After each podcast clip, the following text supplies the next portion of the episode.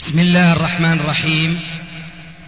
الحمد لله والصلاة والسلام على رسول الله أما بعد فهذا أحد أشرطة سلسلة الهدى والنور من الدروس العلمية والفتاوى الشرعية لشيخنا المحدث العلامة محمد ناصر الدين الألباني حفظه الله ونفع به الجميع قام بتسجيلها والتأليف بينها محمد بن أحمد أبو ليلى الأثري إخوة الإيمان والآن مع الشريط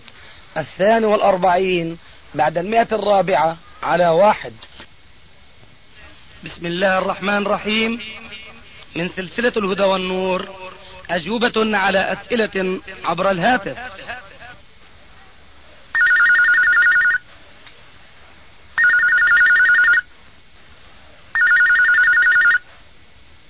اللي قال فيه الرسول عليه السلام لعن الله النامصات والمتنمصات إلى آخر الحديث وفي آخره يقول عليه السلام المغيرات لخلق الله للحسن وربنا عز وجل كما قال في القرآن الكريم ما ترى في خلق الرحمن من تفاوت وكل شيء من خلق الله فهو حسن فإذا كان هناك رجل أو امرأة مشعراني أو مشعرانية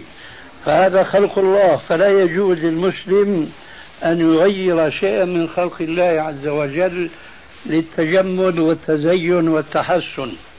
ولذلك فالجواب لا يجوز واضح؟ آه. طيب غيره عندك شيء؟ لا يعطيك العافية السلام عليكم السلام عليكم وعليكم السلام يا الله يا كريم بيقولوا بيقولوا النمص بس الحاجب اللي بنعرفه اما الرجلين وباقي الجسم فهذا يعني أيوة، ما- إيه، والعجب انه اللي بيقولوا هيك آه. ما هن البان مثل حكايتي آه. انما هم عرب ايوه واللسان العرب يقول النمص هو النتف من اي مكان كامل الجسم يعني النمص هو النتف أيوة. هكذا يعني في القاموس وغيره ومعلوم ان من خصال الفطره كما جاء في الحديث الصحيح نتف الابط النتف ما هو مخصص في مكان معين كذلك النمص فهو مرادف للفظة النتف ثم لأمر ما أنا أعطيت الجواب للسائلة أن الرسول عليه السلام في آخر الحديث قال المغيرات لخلق الله للحسن فلا فرق بين رجل أو امرأة ينتف أو تنتف حاجبها أو خديها أو ذراعيها أو ساقيها كل ذلك داخل في عموم قوله عليه السلام المغيرات لخلق الله للحسن وأنا أذكر بهذه المناسبة حديث في مسند الإمام أحمد وغيره أن النبي صلى الله عليه وآله وسلم رأى رجلا من أصحابه وقد أطال إزاره فناداه عليه الصلاة والسلام وقال له يا فلان ارفع إزارك فإنه أتقى وأنقى فقال يا رسول الله إن في ساقي حنف شو بدنا نسميه فكح فكح فهو يطيل إزاره ليستر الفكح هذا فأجابه عليه السلام بهذا الجواب الذي لا ننساه وخاصة فيما نحن في صدده من نتف الشعر قال عليه السلام له يا فلان كل خلق الله حسن كل خلق الله حسن يعني عامة الناس سيقانهم مستقيمة لكن هذه الاستقامة ربنا عز وجل يريد أن يري الناس أنها ليست طفرة أو صدفة وإنما هي بتقدير العزيز العليم كما قال تعالى هذا خلق الله فأروني ماذا خلق الذين من دونه فربنا عز وجل يريد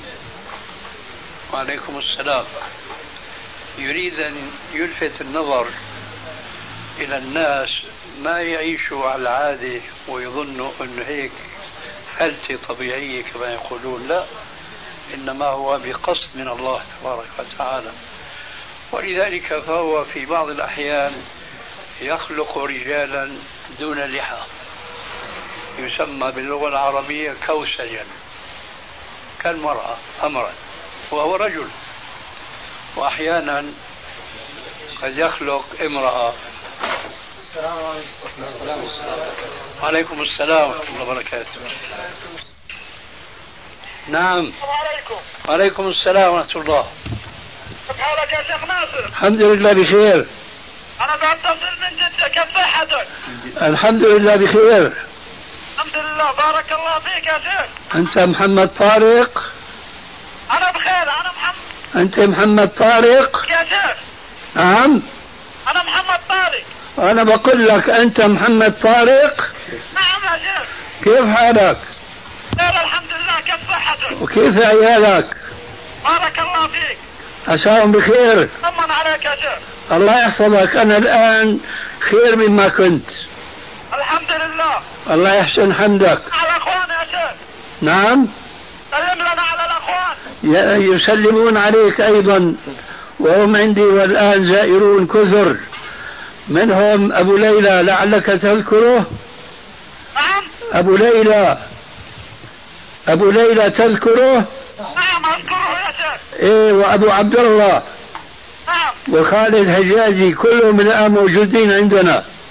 بارك الله فيك وهم يردون عليك السلام بخير مما سلمت طيب يا شيخ طيب نستودعك الله يا شيخ آه. وأنت بخير الحمد لله الحمد لله بارك الله فيك السلام عليكم عليكم السلام ورحمة الله وبركاته طيبا الرجل هذا سبحان الله لهجته سبحان الله باينه أي نعم. نعم السلام عليكم عليكم السلام ورحمة الله نعم آه، نسأل عن آه، السؤال تفضل الو تفضل يا أخي السلام عليكم عليكم السلام سيدي الشيخ أنا أسألك السؤال بالنسبة للعقيقة نعم أي يوم آه، يمكن أن نسويها في اليوم السابع نعم إن لم يتيسر ال 14 نعم فإن لم يتيسر فال 21 نعم سيد نعم وبعد ذلك إنما هو لحم شاة تقدمه إلى أهلك طيب سيدي هل يمكن تقديمها قبل اليوم السابع؟ لا لا يمكن آه، لا يمكن حكم على توزيع والطبيعة كيف تكون؟ أما من حيث التوزيع فالذي يذبح نعم فهو حر التصرف وذلك يختلف باختلاف الذي يقدم هذه الشاة أو الشاتين إن كان فقيرا أو كان غنيا أو كان متوسط الحال المهم ليس هناك حكم خاص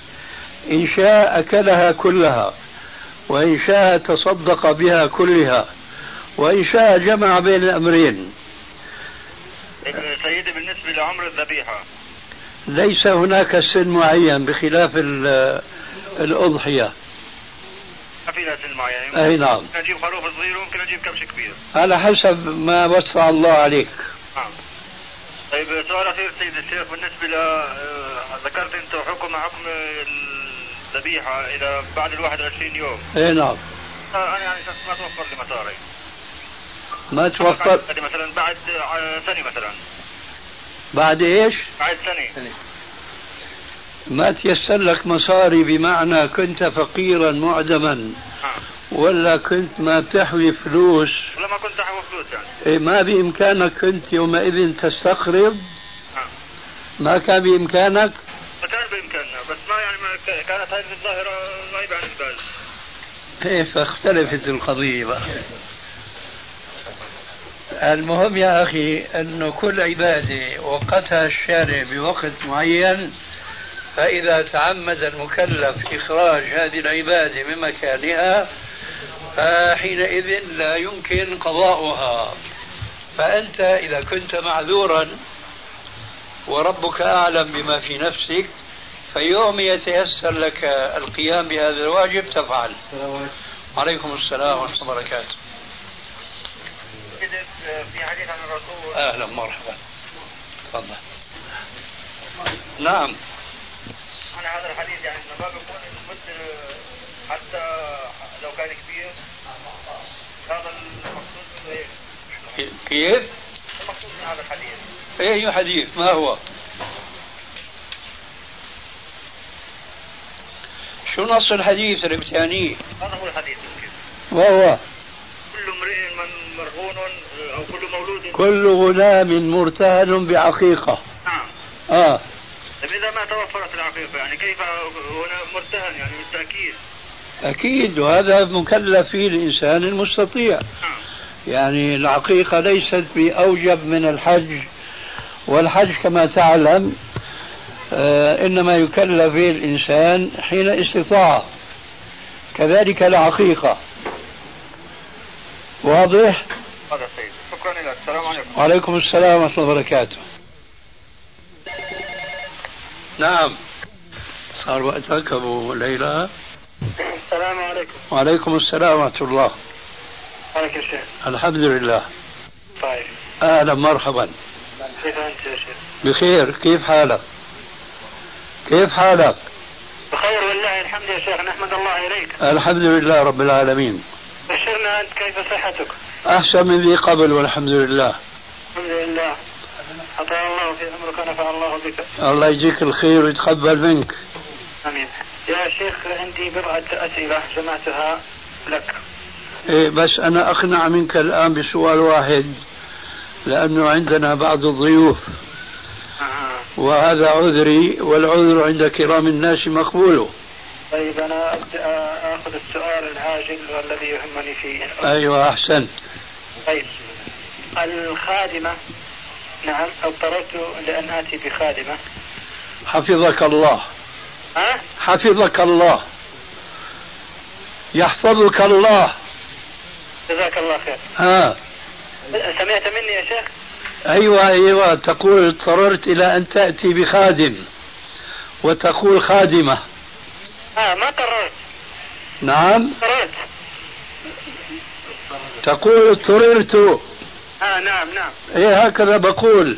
آه الخادمة من البلد لا- ولست وليست استخداما من الخارج كان أي نعم طيب آه هي من آه، في البشرة السوداء آه، يعني من الأفارقة إيه عندنا في البلد نعم آه، زوجتي آه، في حالة صعبة جدا مرض ولا أحد يقوم بأولادي عفا الله آه اللهم امين. فالسؤال هل تبقى هل يجوز لي ان ابقيها تبات عندنا في البيت؟ متحرج من هذه المساله. لاني ما وجدت انسانه تكون تاتي بالنهار وتذهب بالليل لاهلها. وهي من بلدك من البلد نعم من الطائف طيب آه، من الافارقه وهي متحجبة لا، ما ما اكشف عليها اطلاقا ما اراها كيف ما تراها انا ما اراها ما لا اكشف عليها يا أخي ليست تخدم في دارك نعم بلى طيب ولا يمكن إلا أن تراها لا لا يمكن لا يمكن لا يمكن ان اراها والله إذا يعني سلمت بما تقول جدلا آه. فالجواب بأنه يجوز أن تبات عندك لكن أنت تعلم بأن الفتوى على قدر النص آه. وأنا لا أتصور دارا مثل داري أنا أو دارك التي أتيتك فيها فيها رجل وفيها خادم تخدم ولا يمكن أن يراها البتة هذا شبه مستحيل لكن بناء على ما تقول أقول لك يجوز أن تبات عندك ما دام أنك لا تراها وهذا على مسؤوليتك أما أنا فأنصحك بأن لا تأتي بها وأنصحك بأن تتزوج زوجة أخرى وبذلك تتحاشى أن تقع في مخالفة للشرع آه. نعم. وبعدين بذكرك بشيء من ما تعلمناه من هدي عليه السلام وهذا الشيء أنت تعرفه وإنما هي ذكرى والذكرى تنفع المؤمنين أن الشارع الحكيم حرم بعض الأشياء ليس لأنها مضرة بذاتها وإنما لأنها تؤدي إلى ضرر فيما بعد فأنت قد ترى أنك لا ترى هذه الخادم طيلة وجودها عندك ولكن هذا قد يمشي معك يوم يومين جمعة جمعتين شهر شهرين لكن بعد ذلك ستضطر أن تراها وأن تراك وربما أن تجلس بجانبك ومعك وإلى آخره لأن الشر كما قيل قديما وما معظم النار إلا من مستصغر الشرر فأول غيث قطر ثم ينهمر وهكذا حرم الرسول عليه السلام النظرة المتعمدة وقال كتب على ابن آدم حظه من الزنا فهو مدركه لا محالة فالعين تزني وزناها النظر إلى آخر الحديث ولذلك ما أنصحك بأن تأتي بالخادم هذه وإنما أنصحك أن تتزوج وأن تكثر من سواد أمة محمد صلى الله عليه وآله وسلم وبخاصة أنك معذور لأن بعض الناس اليوم لا يرون آه، شرعية التثنية في الزواج إلا لمن كان في مثل اضطرارك أنت يعني بسبب مرض زوجتك لكن الأمر أوسع من ذلك ومن هدي السلف أن يتزوجوا بأكثر من واحدة وإن كنت أنا لست مشجعا لكل الناس أن يتزوجوا بالثانية والثالثة لفساد الزمان وفساد الرجال والنساء إلى آخره ولكن ما دام أن وضعك هكذا الأولى بك ألا تأتي بالخادم وأن تتزوج امرأة أخرى هذه نصيحتي إليك والله يهدينا وإياك لي أنا لي بعض التوضيحات والإيضاحات لمسألتي تفضل آه، عندما قلت زوجتي مريضة ليست هي مريضة آه، استمرارية إنما هي آه، في حالة وضع ولادة إذا هذا أوجب عليك أن لا تأتي بالخادم ها؟ إذا هذا أوجب عليك أن لا تأتي بالخادم فهمت فهمت قصدك آه. أي. أولا آه. في أنا آه، ليس عندي المؤونة للزواج هذه واحدة ثانيا أن هذا أمر مؤقتا وقلت وإن شاء يرحمك الله. الله إني شديد في هذا الأمر وفق تمام الثقة أني لا أراها أنت تقول لا يمكن أن أن أنك ما تراها في بيتك وأن تخدم وليست الخدمة هي عامة آه، كإحضار الطعام وإمد السفرة وشيل الأواني وكذا لا إنما هي أمور خاصة بالبيت وبشؤون النساء أما بقية الطعام وهذا فهو آه، يحضر من زوجتي حسب آه، آه، طاقتها وقدرتها هي ما بدها تعيش مع زوجتك ها؟ ما بدها تعيش مع زوجتك هي؟ ها هي هنا أن تعيش معها طيب أنت لما بدك تدخل على زوجتك بدك تستأذن نعم إيه وحين الاستئذان تخرج هي ولا إيه تكون في غرفة آه، منعزلة وأكون في جهة منعزلة من البيت نعم، إيه هذا كما قلت لك آنفا على كل حال ما أطيل الحديث معك هذا في أول الأمر هكذا يصير لكن مع الزمن بتصير الأمور يعني سهلة ومعتادة وهذا أمر معروف يعني من طبائع الناس فأنت على كل حال آه، أدرى بمصلحتك لكن أنا ما أنصحك جزاك الله خير وبارك الله فيك وفيك بارك السلام عليكم وعليكم السلام ورحمة الله وبركاته نهاية الحديث جوابه لأبو ليلى نهاية ربنا يزعلوا علينا وأوله إلي الطريق نعم السلام عليكم عليكم السلام يعطيك العافية يا شيخ عافاك الله آه، أسف جدا واتصل بوقت متأخر تفضل آه، شيخنا في سؤالين زي ما تفضل- آه، زي ما قلت لك على أساس إنه أسألك إياه بحكي معك من الكويت أنا ايه الأول بالنسبة للمرأة هل يجوز لها أن تظهر مثلا أثناء رضاعة ال- ولدها تظهر العورة أو تظهر ال- أقصد الثديين أمام محارمها مثل أبوها أو أخوها لا ما بيجوز آه، هذا الأول جزاك الله خير السؤال الآخر اللي هو بالنسبة للمسافر اللي يقيم في الأردن مثلا أنا الحين جاي من الكويت رايح إلى الأردن لمدة شهر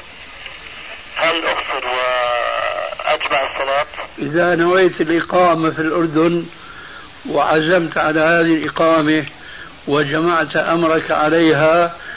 فتنقلب صلاتك إلى صلاة مقيم أما إذا كنت آه، لم تعزم على الإقامة بمعنى بمعنى أنك أنت بتقول اليوم بسافر وبكرة بسافر وراحت مدة أسابيع فأنت في هذه الحالة تصلي صلاة المسافر يعني إذا يعني- يعني مش متأكد إذا كنت آه، آه، راح أكون ثابت ولا لا يعني مش مش متأكد إذا راح أكون ثابت إذا عزمت على الإقامة وجمعت الأمر في قلبك أنك تقيم جمعة جمعتين فأنت مقيم أما إذا كنت تردد في نفسك بتقول في نفسك اليوم وبكرة اليوم وبكرة فأنت مسافر آه، الله يجزيك خير وبارك الله فيك يا شيخ الله يحفظك يا شيخ بطور حاجة أنا إن شاء الله جاي على الأردن خلال الفترة القادمة سلامتك الله يبارك فيك يا شيخ أهلين يعطيك العافية مع السلامة السلام عليكم مغفرته كيف حال الشيخ؟ أحمد الله وأشكره يا الله بخير الحمد لله كيف أنت الله يبارك فيك أهلين أريد مسألة بارك الله فيك تفضل آه، أستاذي آه، نحن بطبيعة حالنا في بيتنا نعيش أربع إخوة أنا إخوة كثيرين لكن إحنا الأربع إخوة نعيش في هذا البيت عند والدنا أيوة الوالد من عشر سنوات لم يعمل هو مثلا في الملحمة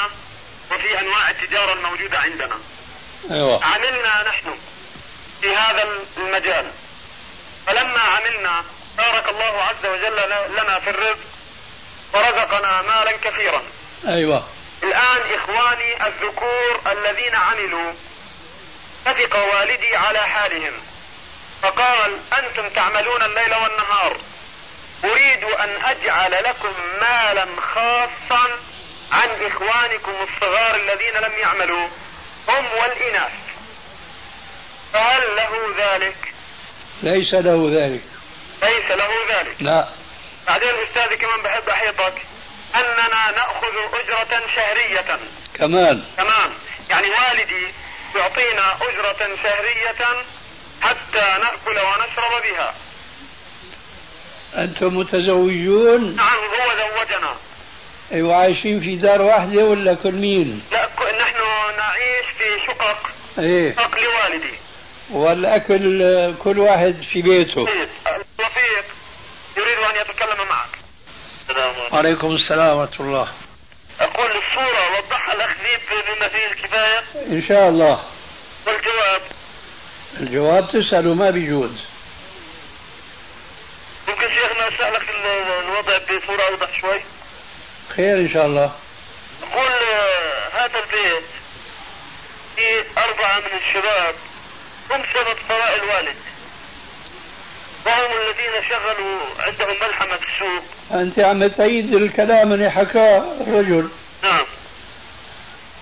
إذا كان عندك شيء إضافي عما ذكره بنسمعه أما هذا الكلام هو نفسه حكاه يعني مثلا شيخنا ال- في واحد منهم بيشتري على تريلا هذا التريلا لو كان بيشتري عند واحد ثاني كان ممكن يقول هذا جمع 30 ألف دينار أردني يا أخي المهم أنه هذول الأولاد نعم استقلوا عن أبوهم ولا ما استقلوا هل اللي فهمناه من الرجل أنهم ما استقلوا فإذا استقلوا حينئذ كل واحد مكسبه لجيبته نعم فلماذا الآن يريد أن يخص هؤلاء بشيء دون الأولاد الصغار وهن ماشيين في الطريق لأن الكبار هم الذين اجتهدوا جهدا كبيرا إيه لكن عاشوا تحت كنف أبيهم وهم وأموالهم لأبيهم الآن ما بيجوز الأب أنه يحابيهم أما إذا انفصلوا واستقلوا في العمل وحينئذ كل واحد مكسبه لجيبته مثلا أما الأب يجي يعطيهم شو معنى يعطيهم معناه عم يعطيهم من ماله هو وهنا يجب آه، تحقيق العدل وحديث النعمان بن بشير اللي نعم لعلك تعرفه إني لا أشهد على جور لا شكرا صحيح أي نعم جزاكم الله خير شيخنا وإياك السلام عليكم وعليكم السلام ورحمة الله نعم الو نعم شيخ عبد الرحمن أيوة شيخ موجود هو معك الله يعطيك العافيه شيخ عافاك الله عزناك بالليل معلش تفضل والله سالنا سؤال يا شيخ عنا تعطونا رقمك حتى تفتينا الشغله طيب بس أنت سلمته نعم سلمت نعم. قلت السلام عليكم السلام عليكم وعليكم السلام آه، احنا تفضل ايش عندك نعم سل ما عندك يا سيدي العزيز احنا حلفنا يمين قلنا للمرأة بطالق بالثلاث عملت الشيء ومنا طبعا طبعا آه، يعني مش اني اطلقها لا القصد اني امنع نفسي عن شيء ايوه آه، قلت لها تبقى طالق بالثلاث اذا عملته وعملته ايوه آه، شو رايك بالشغل يا سيدنا الشيخ؟ يعني انت حلفت عليها نعم حلفت عليها الا تعمل ذلك الشيء انا اللي عملت مش هي انت حلفت على نفسك حلفت حتى امنع نفسي عن شيء ايوه وكنت تقصد الطلاق ولا تقصد منع نفسك إيه، امنع نفسي عن شيء عليك كفارة اليمين نعم عليك كفارة اليمين هي كفاره اليمين ايوه يعني تطعم عشر مساكين مشاعر مساكين واضح واضح يا سيدي الشيخ طيب غير عندك شيء فانا لما سالت الشيخ اللي انا هون اللي ممكن تكون طلقه اولى ايه منيح اللي ما قال لك ثلاثة نعم منيح اللي ما قال لك ثلاث طلقات لأنك أنت ذكرت ثلاث طلقات المهم أنك ما قصدت الطلاق وإنما قصدت أن تمنع نفسك من عمل ما آه. ولما عملت هذا العمل وقع عليك اليمين فعليك كفارة اليمين طبعا صيغه الحكي انا قلت علي الطلاق بالثلاث يعني خلا- خلاص يا أخي فهمت الجواب ولا لا نعم فهمت الجواب خلاص عندك شيء سؤال ثاني السلام عليكم عليكم السلام ورحمة الله أهلا نعم السلام عليكم عليكم السلام بدك شيخ سؤال تفضل بالنسبه لقول الله تبارك وتعالى لا اكراه في الدين وقول النبي صلى الله عليه وسلم امرت ان اقاتل الناس حتى يشهدوا ان لا اله الا إيه، الله فكيف يجمع بين الايه والحديث؟ ألا تعلم أن هناك آه، ثلاثة أحكام في الشرع إما الإسلام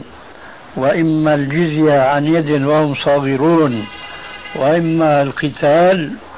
نعم تعرف هذا؟ اعلم طيب فإذا لا تقف عند حديث واحد خذ الأحكام مجموعة من أحاديث فإذا كنت تعلم أن هناك جزية ومعنى ذلك أن الكافر يبقى على دينه فلا يتعارض ألا تعلم أن هناك آه، ثلاثة أحكام في الشرع إما الإسلام وإما الجزية عن يد وهم صاغرون وإما القتال تعرف هذا؟ طيب فإذا لا تقف عند حديث واحد خذ الأحكام مجموعة من أحاديث فإذا كنت تعلم أن هناك جزية ومعنى ذلك أن الكافر يبقى على دينه فلا يتعارض حين ذاك مع قوله تعالى لا إكراه في الدين إنما يكره على دفع الجزية إذا اختار البقاء على دينه آه. واضح؟ فإذا لا تعارض نعم. جزاك الله خير وإياك السلام عليكم وعليكم السلام ورحمة الله وبركاته نعم نعم السلام عليكم وعليكم السلام ورحمة الله الشيخ أبو عبد الرحمن أيوة ممكن أسأل آه، سؤالين لأن الآن في بحاجة ما أسألهم يعني فتاوى بإذن الله تفضل آه، أولا السؤال الأول آه، أعطيك شرح عن حول الأسئلة السؤال الأول حول صلة الرحم والسؤال الثاني حول البنات آه، غير المحرمات من أقارب الرحم آه، حول هذين السؤالين فالسؤال الأول من هم الرحم الذين إذا قطعهم الشخص قطعه الله وإذا وصلهم الشخص وصلهم الله نعم هم الأقارب من حيث من جهة ال- الوالد لا طيب. قرب من جهة الوالد أي نعم مهما علوا أو نزلوا هذا من جهة نعم ومن جهة أخرى يجب أن يعرف كل مسلم بأن هناك صلة ليس علاقة بالأقارب مباشرة نعم وقد جاء في صحيح مسلم آه، قوله عليه الصلاة والسلام الله عليه وسلم إن من أبر البر أن تصل أهل ود أبيك أصدقاء الأب أيوة نعم فإذا كان الشرع حرص هذا الحرص بأتباعه أن يصلوا أصدقاء الأب فمن باب أولى أن يحضهم على أن يصلوا أقاربه من النسب نعم أما ما ذكرت بالنسبة للبنات أوضح السؤال الآخر هذا السؤال بشكل حتى تجيب إيه هاتوا آه، الصورة التي ذكرتها في المجتمع الإسلامي وأنت تعلم الآن البلايا التي ابتلي المجتمع الإسلامي بها من ال- ك- من العري وال- وعدم التقوى و- نعم. والفساد والاختلاط فإذا إذا أردت أن أذهب إلى عمتي مثلا وجو الاختلاط وجو ال- العري هل أقطع عمتي أم أذهب بهذا الجو وأذكر؟ أيوة هذا يجب على المسلم أن يقوم بواجب الدعوة طيب. نعم. اللهم بلى. اسمع يا أخي الله يهديك آه، تفضل آه، يجب عليه أن يقوم بواجب الدعوة وواجب الأمر بالمعروف والنهي عن المنكر مع الأباعد عنه فضلا عن الأقارب ثم إذا كان يتعرض في مواصلته لأقاربه لشيء من هذه المنكرات التي أشرت إليها فهو عليه في أول الأمر أن يعظ وأن يذكر وأن يصبر على ذلك حتى يصل لنقطة ييأس من أن يرى أثر دعوته فيهم فحينئذ إن رأى أن المقاطعة قد تفيد فحينئذ يقاطع وليس مسؤولا بأنه قطع رحمه لأن هذا القطع إنما كان انتصارا للشرع وليس اتباعا للهوى هناك حالة أخرى تفضل إذا كنت شاب لا أأمن الفتنة ف... وأذهب مثلا إلى بيت عمتي وبنات عمتي قد يكن لوحدهن فهل فهل أتكلم معهن دون رجل أو دون عمتي لا ما يجوز لك أن تدخل إليهن إذا إذا لم أجد أحد من ال... من الأرحام لا يجوز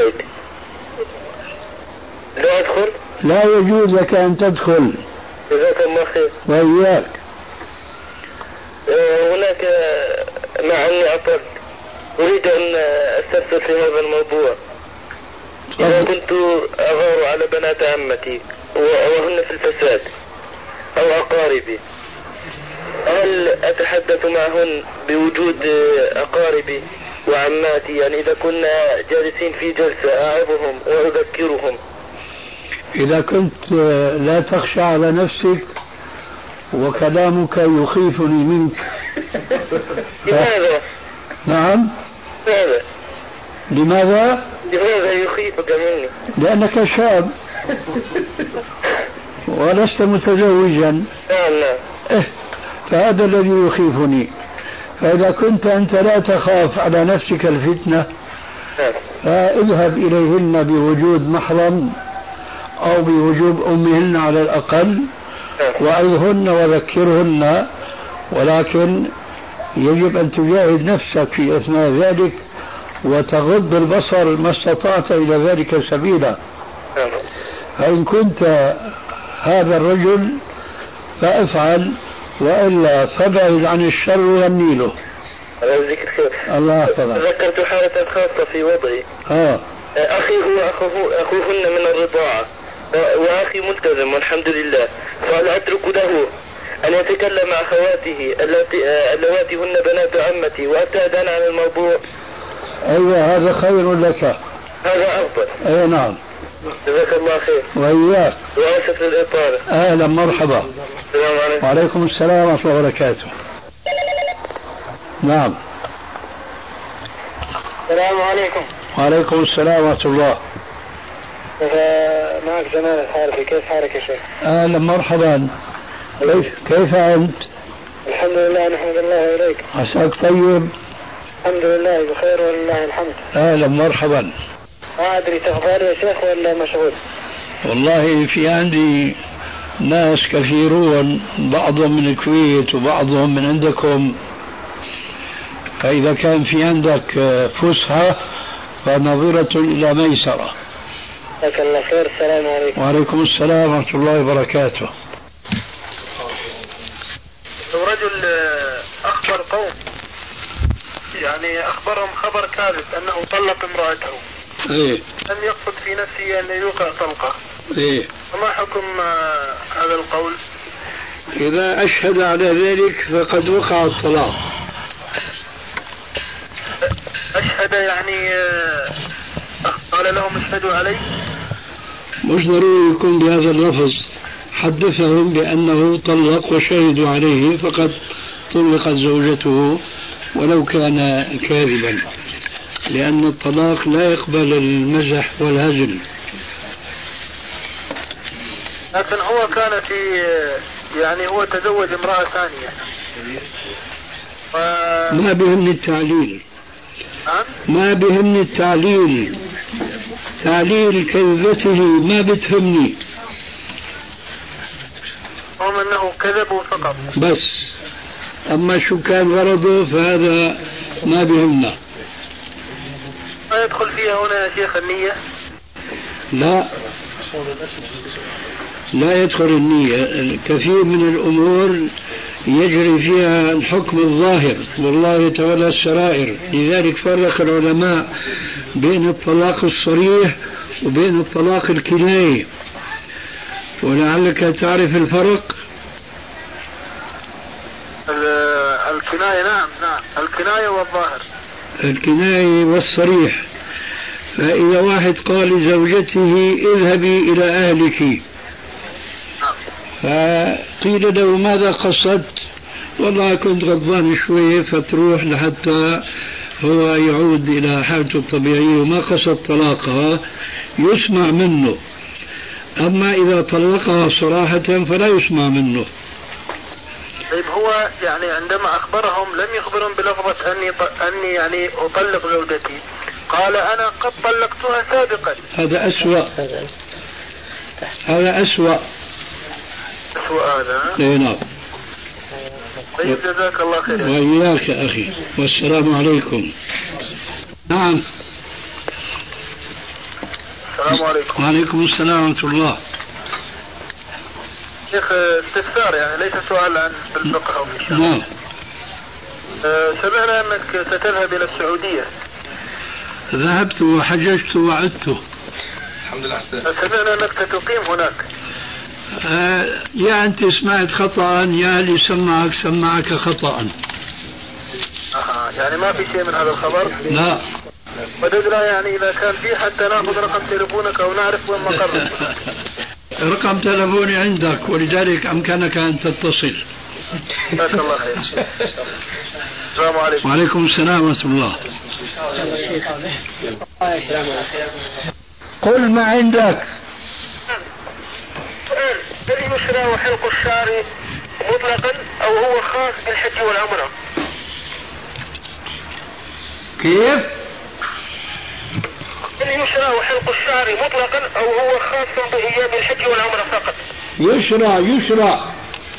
قال عليه السلام احلقوه كله أو دعوه كله ثاني نعم هل وثق فيما قيل في الخوارج ان من سماهم التحليق؟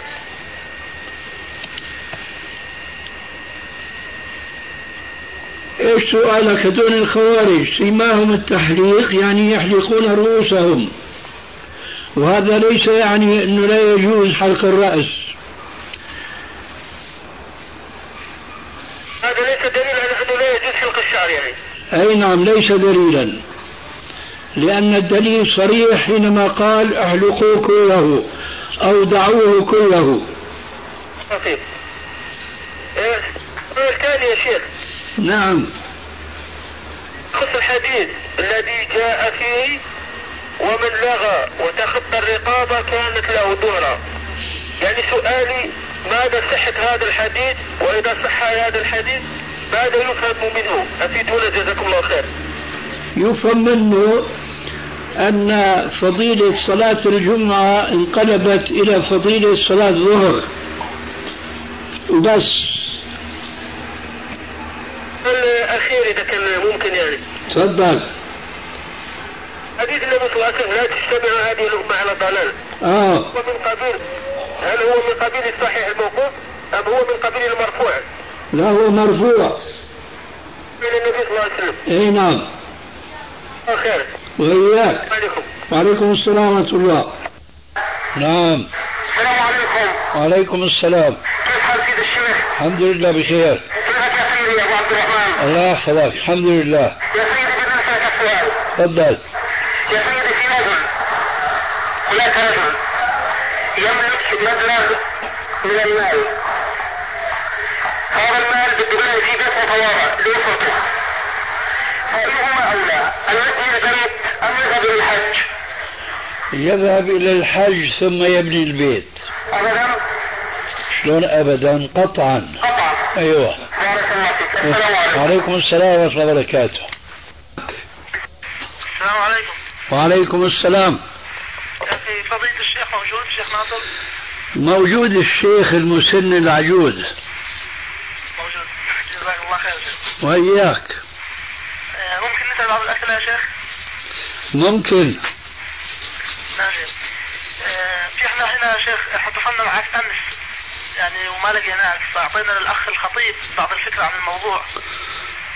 أيوة منه وطلب منا نتصل معك اليوم فاحنا هنا في مدينة أرلينغتون تكساس في ولاية أمريكا وفي عندنا مسجد وفي المسجد في إمام أنا أفهمني هذه المسألة فاسمع الجواب نعم أي إمام يؤم المسلمين في أي مكان كان مسجدا أو مصلى أو دارا أو أي مكان آخر هذا الإمام ما دام أن المصلين الذين يصلون خلفه يرونه مسلما فصلاتهم خلفه صحيحه مهما كان رايهم فيه سواء من ناحيه العقيده او من ناحيه السلوك والعمل فما دام ان مخالفته لمن يصلون وراءه في العقيده أو في السلوك لا يحملهم على أن يعتقدوا كفره وخروجه عن دائرة الإسلام فصلاتهم خلفه صحيحة لقوله عليه الصلاة والسلام في حق الأئمة يصلون بكم فإن أصابوا فلكم ولهم وإن أخطأوا فلكم وعليهم هذا حديث في صحيح البخاري ماذا يقول الحديث يصلون بكم أي الأئمة فإن أصابوا فلكم ولهم وإن أخطأوا فلكم وعليهم ولكن بالإضافة إلى هذا ننصح المقتدين الذين يشكون من إمامهم شيئا من انحراف في العقيدة أو في السلوك أن يحاولوا استبداله بغيره ممن هو خير منه إذا كان ذلك في استطاعتهم وإلا فلا يكلف الله نفسا إلا وسعها فإمامكم هذا إما أن يكون في طوقكم وفي قدرتكم أن تبعدوه عن الإمامية وأن تأتوا بخير منه فهذا واجب عليكم أما إن كانت الأخرى فحينئذ صلاتكم خلفه صحيحة كما أخبرتكم وهذا الحكم الشرعي بمثله يمكن للمسلمين ان يتقاربوا مع اختلافهم وان لا يتقاطعوا وان لا يتدابروا وضح لك الجواب وضح طيب غيره ايش عندك نعم لا يجوز أن نصلي يعني بعد انتهاء من الصلاة لوحدنا يجوز اذا كان المسجد إذا كانت الجماعة في المسجد وليس في خارج المسجد وكان المسجد له إمام راتب نعم. ومؤذن راتب يجمع المسلمين إمام راتب نعم هناك إمام راتب ولكن يعني ما في مؤذن راتب بس في إمام راتب في إمام راتب وليس له مؤذن راتب وهذا لا نتصوره إلا في بلاد الكفر التي أنتم تعيشون فيها نعم ولذلك فعليكم أن تهاجروا منها أما الحكم الشرعي فتكرار الجماعة في مسجد له مؤذن راتب وإمام راتب يجمع المسلمين فهنا لا يجوز تفريق هذه الجماعة بجماعة ثانية أو ثالثة أو غيرها أما إذا اختل الشرطان أو أحدهما كما ذكرت فحينئذ فرار من تلك البلاد هو الواجب جزاك الله خيرا وإياك آه، فضيلة الشيخ ج- في هذه الحالة هل يجوز إقامة الجماعة في بيت وليس في المسجد مثلا ثلاثة أربع أخوان يصلوا يعني في البيت آه، أي حالة تعني ما ما فهمت يا شيخ أي حالة تعني أنت بتقول في هذه الحالة آه، في حالة يعني أنه يوجد هذا الإمام في هذه الظروف وعنده هذه الصفات من الكذب وغيرها فإحنا مثلا في حالة عشان لا نكون مبتدئين لا نقيم الجماعة في المسجد ولكن مثلا نقيمها في بيت مثلا نحن ثلاثة أو أربع إخوان أو يعني كمية من الإخوان نقيمها في البيت ولا نصلي وراءه ونصلي الجماعة في البيت لحالنا هل يجوز ولا لا يجوز لماذا لا تصلون خلفه؟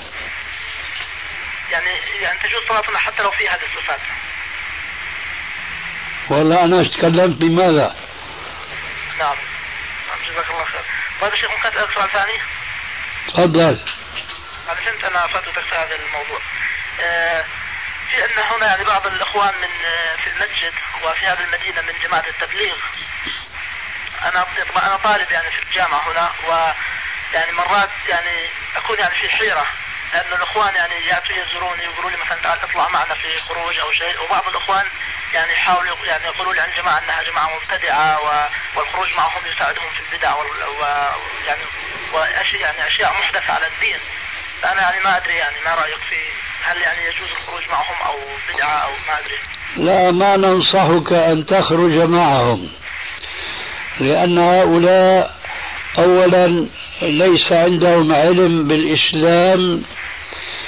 حتى الإسلام التقليدي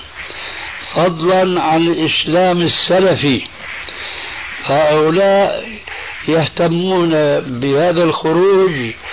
العددي وعددهم لا يساوي عالما ولذلك نحن ننصحهم كما ننصحك أنت معهم أن تلزموا المساجد وأن تلزموا حلقات الذكر وهي حلقات العلم دراسة كتاب الله وسنة رسول الله صلى الله عليه وآله وسلم هذا هو الواجب أما الخروج التبليغي هذا فهي وسيلة عصرية تفرزت بها هذه الجماعة التي أنا أسميها بأنها صوفية عصرية أي إنها جماعة ورثوا شيئا من الطرق طرق الصوفية لكن حاولوا أن يجعلوها تختلف في بعض مظاهرها وإشكالها عن الطرق الصوفية السابقة وهو بهذا التنظيم الذي يسمونه بالخروج في سبيل الله هذا الخروج ليس من سبيل الله بل هو من البدع كما سمعت لأن المسلمين مضى عليهم هذه الأربعة عشر قرنا وما كان هناك في جيل من هذه الأجيال وبخاصة القرن الأول والثاني والثالث جماعة يخرجون للدعوة وهم بحاجة إلى الدعوة وإنما كان عليه الصلاة والسلام يرسل من هو عالم من علماء الصحابة كمعاذ بن جبل وعلي بن أبي طالب وأبي موسى الأشعري ودحية الكلبي ونحوهم كان يرسل العلماء ليدعوا المسلمين أما أن يخرج عشر عشرين شخص كما يفعل جماعة التبليغ فهذا بلا شك من محدثات الأمور ولعلك سمعت قول الرسول وإياكم ومحدثات الأمور فإن كل محدثة بدعة وكل بدعة ضلالة وفي الحديث الآخر وكل ضلالة في النار نعم جزاك الله خيرا يا شيخ وإياك أو- أول تعليق بسألك آخر سؤال وبعدين خلاص يعني خليك تستريح إن شاء الله تفضل بالنسبة ل- بالنسبة لهذا الإمام يعني إذا هو مثلا احنا جئنا ل يعني استبداله بطرق شرعية وهي المشورة والجلوس مع آه، أهل المسجد وعمل مشورة لاختيار يعني لاختيار إمام أفضل منه وهو ال- هذا الأخ يعني آه، عندما يعني وجد هذا الشيء ذهب ليستعمل معنا أس- أساليب غير شرعية وهي مثل آه، مثلا الذهاب ويعني الاشتكاء إلى المحكمة الأمريكية وتدخيل المحكمة الأمريكية في الفصل بيننا وفي هذه الحالة هو رسميا بالأوراق يعتبر إمام ولكن شرعيا إذا اتفق بالمشورة عن يعني إزالته فيعني شرعيا لا لا يكون إمام ففي هذه الحالة إذا هو دخل المحكمة الأمريكية فهل احنا يجوز لا يعني هو استعمل الطريق ال- ال- الغلط هل يجوز لنا الرد عليه بنفس نفس الطريقة وهي مثلا استخدام محامي أمريكي أو شيء أو لا يجوز؟ ما ننصحكم بذلك ولكن من الذي نصب هذا الإنسان إماما عليكم نعم آه، زمان اول ما جاء يعني هو قال انه يحفظ القران كاملا معليش معليش من نصبه نعم الاخوان نفسهم المصلين طيب الذين نصبوه يعزلونه يعني الحين يرفض هو لانه يعني معليش هو يرفض لكن أريد أن أفهم بماذا ستتدخل المحكمة المحكمة الأمريكية الكافرة ما دام أنتم نصبتم هذا الإمام فستقولوا للمحكمة بأنه نحن نصبنا ونحن عزلنا وبطريقة سلمية ما فيها إثارة مشاكل ولا أي شيء وفضيلة الشيخ هو الحين يعني خلال مدة الثلاث سنين اللي كان فيها إمام يعني كان يعني يتصل مع ال- مع البلدية هنا و- ومع يعني طريقة بناء المسجد وعنده أوراق وهذا الشيء فعمل عقد كمان يعني خلى بعض الإخوان أنهم يوقعوا له على عقد فهذا العقد يعتبر يعني ساري بالنسبة للحكومة الأمريكية قانونيا والعقد هذا المصلين لا يعرفوا عنه نهائيا ولكن بعض الاخوان جاروه او هم انخدعوا معه لا ادري فوقعوا له على هذا العقد فهو العقد قانونيا ساري. إيه، أنا أقول إذا كانت القضية تحتاج إلى مرافعات ومداولات كما هو يريد أن يتعامل بها فلا ننصحكم ولكن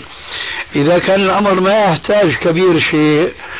فاسألوا أحد المحامين هناك الذين تثقون بهم إذا كان يكفي أن تقدموا بعد أن يحاول هو إفساد خطتكم إذا كان يكفي أن تتقدموا ببيان أن هذا الإمام نحن نصبناه والآن بدا لنا تغييره بمن هو أولى بالإمامة بنا إذا كان هذا المقدار تنحل المشكلة جاز وإلا فلا أكثر من ذلك يعني جزاك الله خير يا شيخ ومت الله في عمركم الله يحفظك بارك الله فيك يا شيخ. أهلا وسهلا جزاك الله. السلام عليكم. وعليكم السلام ورحمة الله وبركاته الشيخ هذا احمد ارفع ايده من هناك يلا على السريع شيخ. آه حمد شو عندك ارفع صوتك سؤال واحد وبس آه. ما شاء الله ايه هات نشوف حضرهم شيخنا ومخططهم هل يجوز الذهاب إلى بلاد الكفار من باب العمل لا غير؟ لا ما يجوز ألم تكن أرض الله واسعة فتهاجروا فيها هذا عمك ما استأذن كل سافر وراح هل استأذن من والدته؟ ها؟ هو استأذن له لكنه بده ينفذ يعني جزاك الله خير يا شيخ أهلا وسهلا يعطيك الله الشيخ أهلين